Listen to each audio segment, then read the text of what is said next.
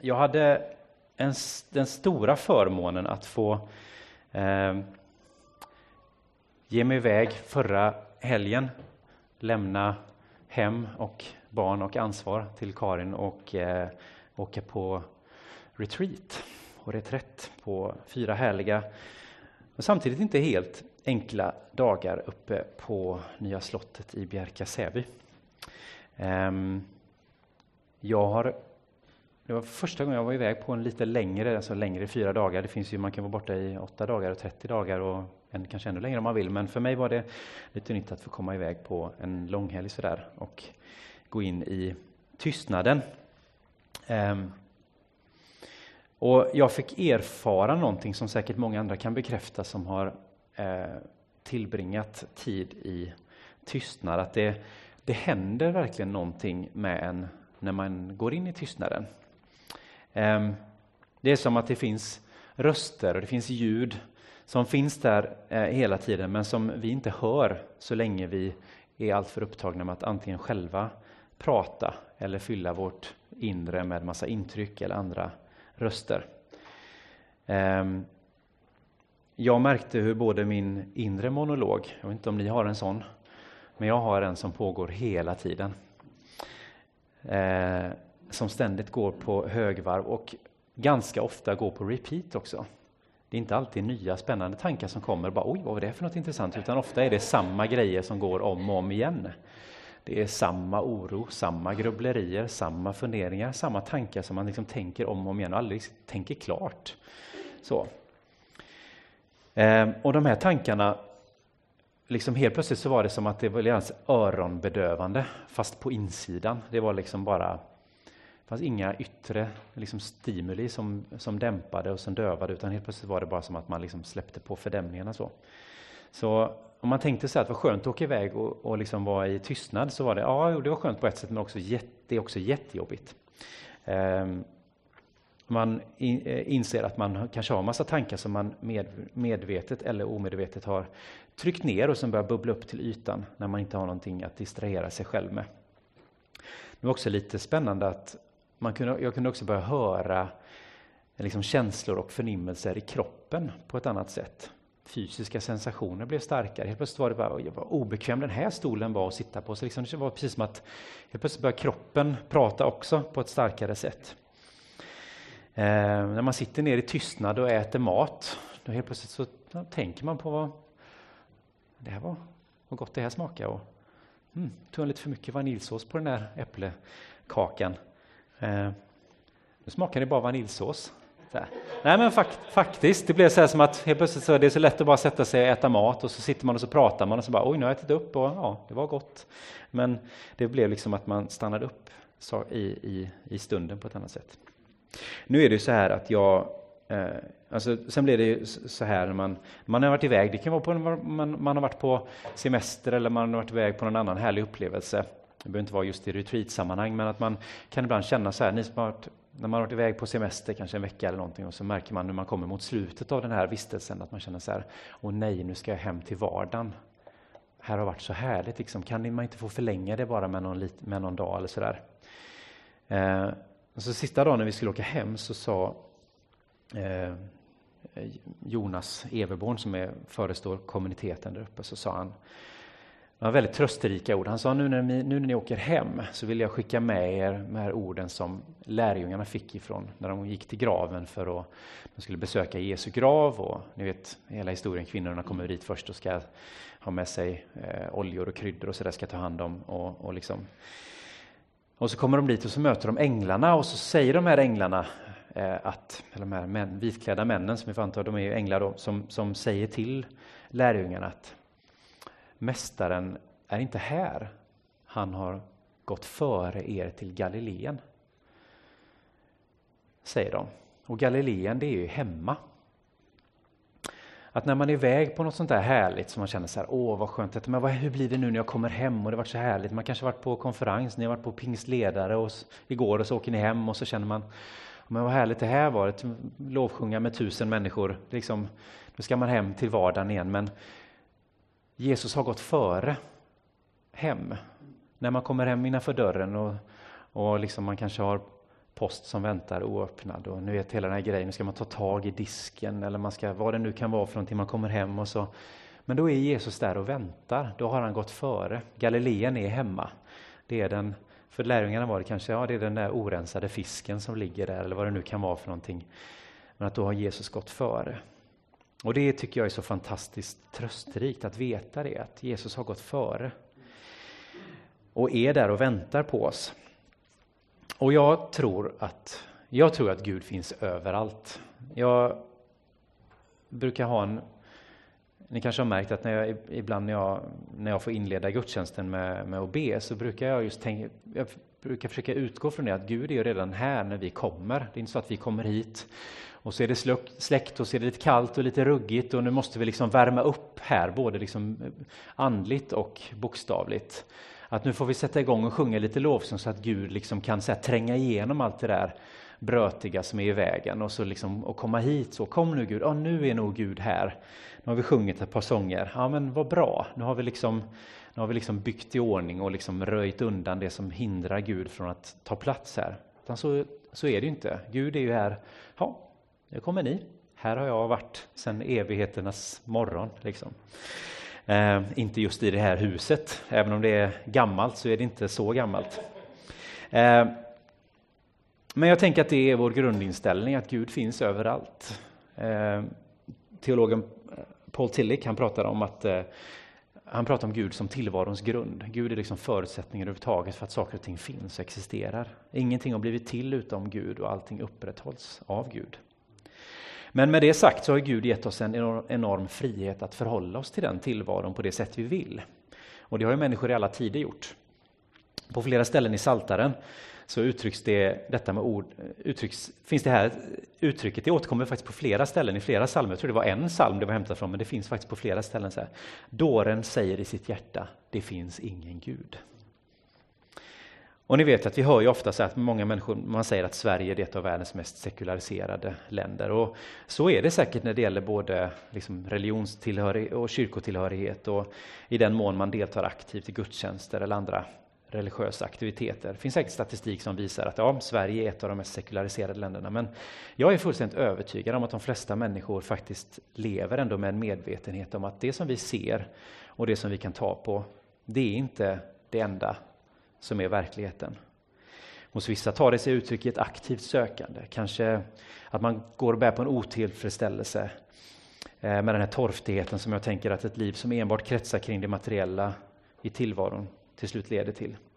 Andra kanske inte söker aktivt en del, kanske lever faktiskt i någon slags tillit och vila över att ja, jag är säker på att vi bärs upp av någonting annat. Man kanske inte har språket för det, man har inte orden för det, man har inte de ritualerna för det, men man lever ändå på något sätt med en, upp, med en upplevelse, en övertygelse om att ja, men det är klart att det finns någonting mer än det här. Och att man kan faktiskt vila i det. Det är inte så att alla människor går och liksom det bara skriker syndanöd i hjärtat, utan en del människor tror jag faktiskt lever ändå med en upplevelse av att ja, men det är klart att jag erfar att det finns något mer. Det är klart att det finns en Gud, det är ju självklart. Man kanske inte har orden för det. Um, och jag har hört flera människor uttrycka det med olika slags begrepp, att man liksom, ja det som jag, eh, den här känslan av att det är någonting som bär oss. Eh, det, man skulle, det jag kanske skulle vilja kalla att man upplever en slags nåd, eller man upplever evigheten på något sätt. Och i min värld så är ordet nåd kanske det bästa sättet tycker jag att, att beskriva det tillståndet och vi liksom kan erfara att det är någonting som sipprar igenom den här, tror jag, porösa barriären mellan det synliga och det osynliga. Och ibland kanske det kan upplevas som att tiden står still eller att all tid äger rum här och nu på samma gång, att det liksom stannar upp och man bara liksom blir varse att det finns någonting mer. Jag har en, det finns en liten bok en, en, av, en, en klassiker får man nog säga, det som jag har läst om ett par gånger och som jag försöker ha, ha med mig som en sån här, den här boken, den vill jag läsa om regelbundet. Och jag försöker göra det också, jag läser den ett par gånger. Och det är eh, den tyske nobelpristagaren Hermann Hesse, hans bok Siddhartha.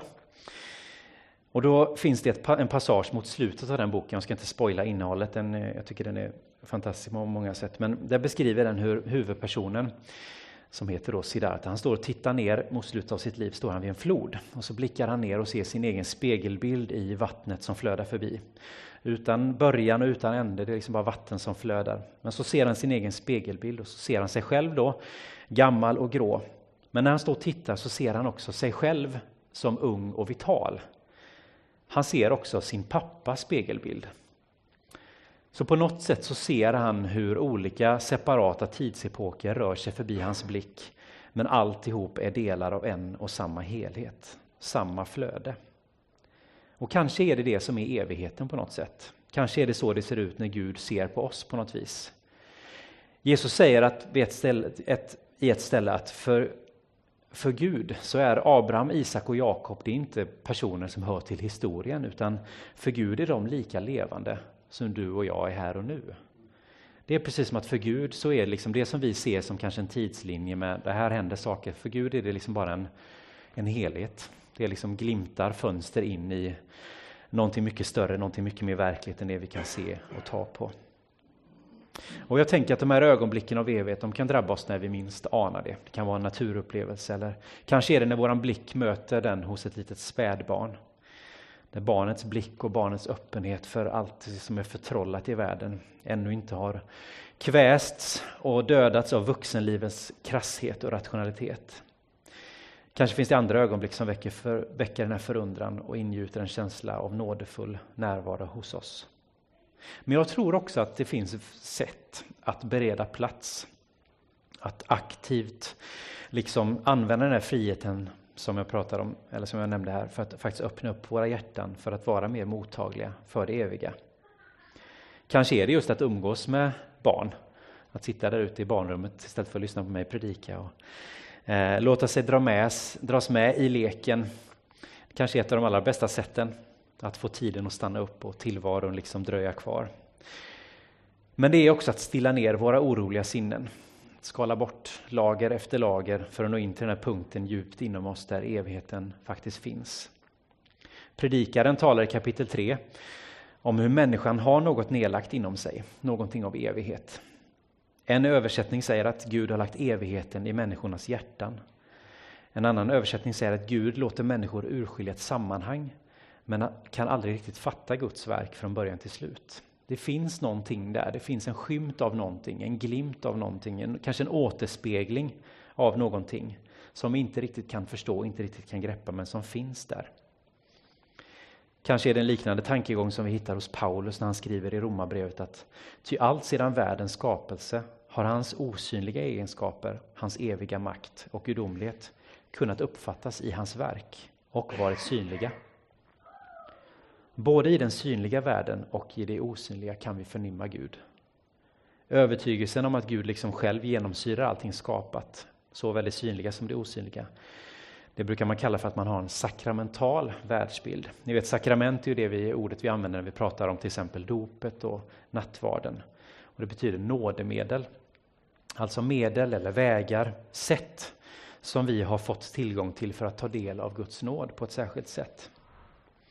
Men att se på tillvaron med en sakramental blick, det innebär att vi inte riktigt, vi nöjer oss inte att liksom bara stanna vid dopet och nattvarden, utan börja där och se att faktum är att det finns vägar för att ta del och uppleva Guds nådefulla närvaro, att ta del av evigheten överallt.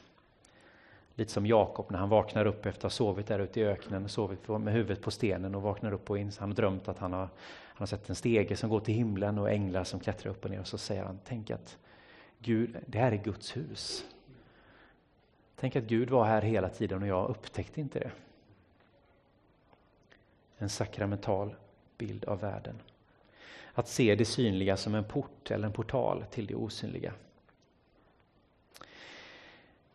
Men jag tänker att predikarens ord tar ju detta på något sätt längre för att det är lätt att se det och tänka att nu ska jag ut och försöka hitta Gud på olika ställen.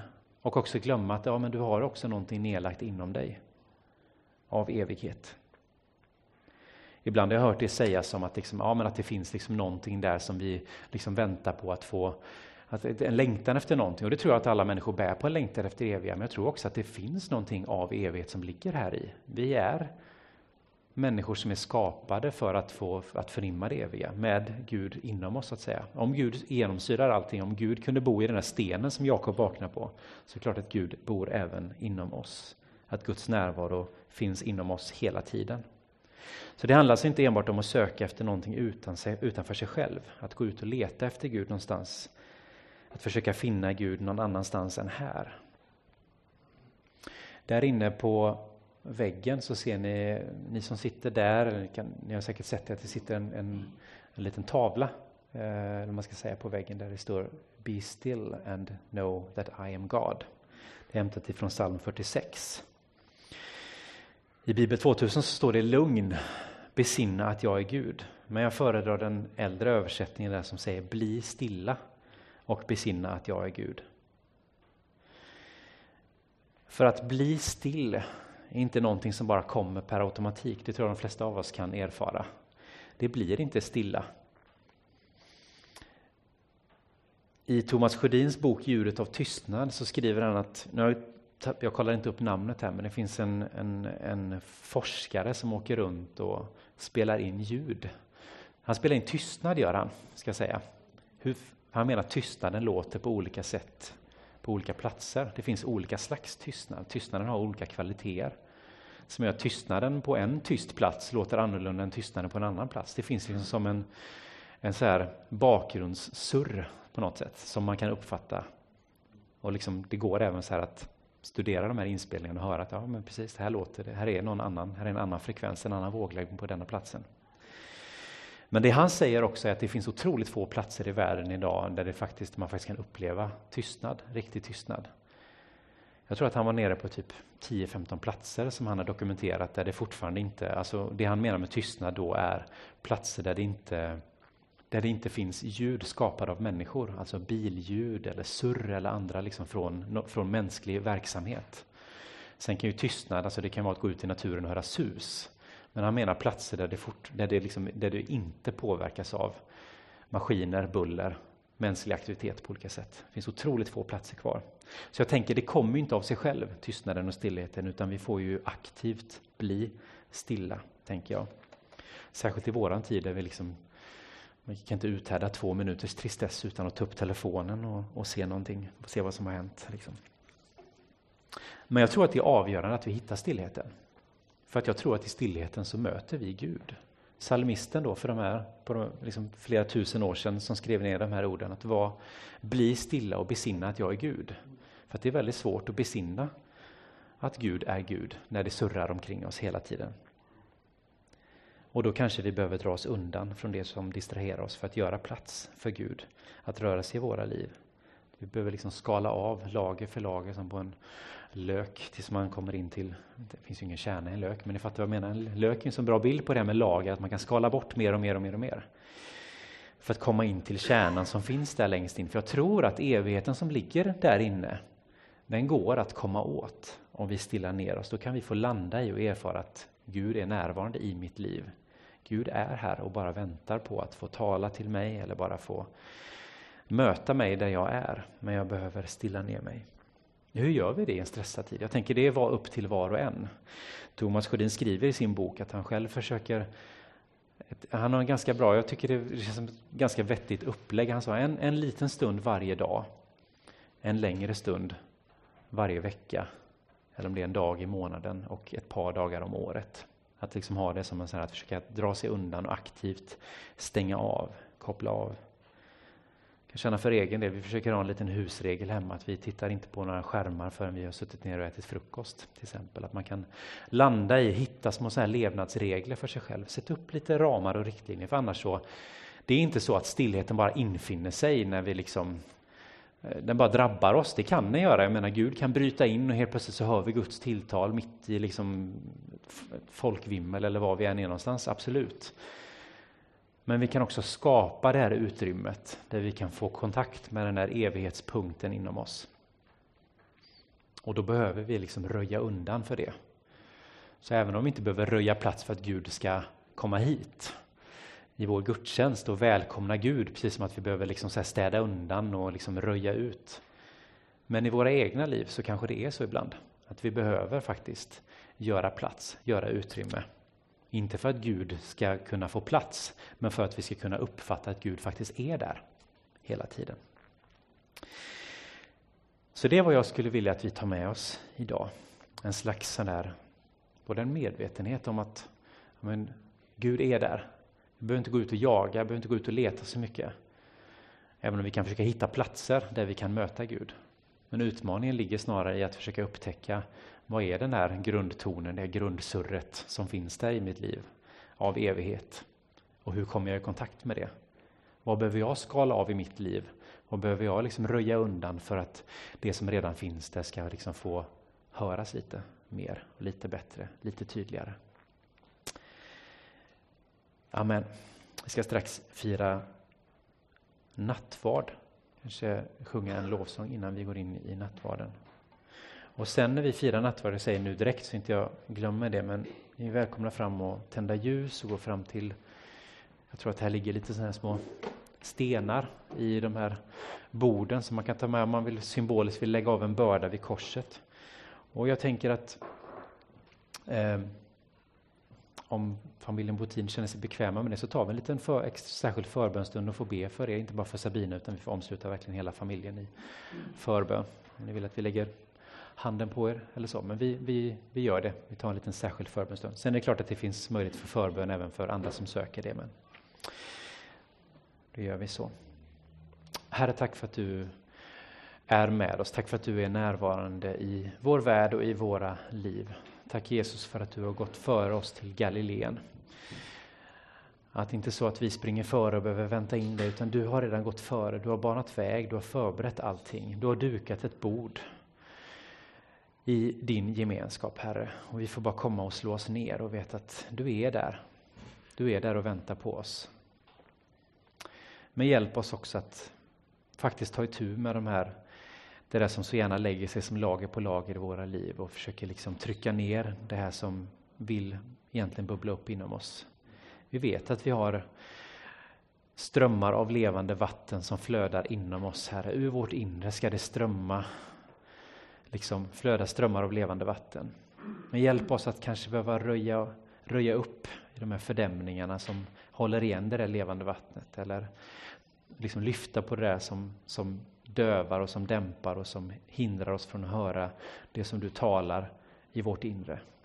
Du viskar hemligheter till oss där på insidan men det är så mycket brus och så mycket surr i våra liv att vi inte hör det. Tack för att du kallar oss till en stilla plats, till en tyst plats där vi får möta dig. Hjälp oss att hitta den platsen där vi får höra dig, Herre. Både liksom fysiskt men också bildligt. Att hitta en plats i vår tillvaro där vi kan få lyssna till dig, Gud. Höra dig tala och möta dig i stillheten. Amen.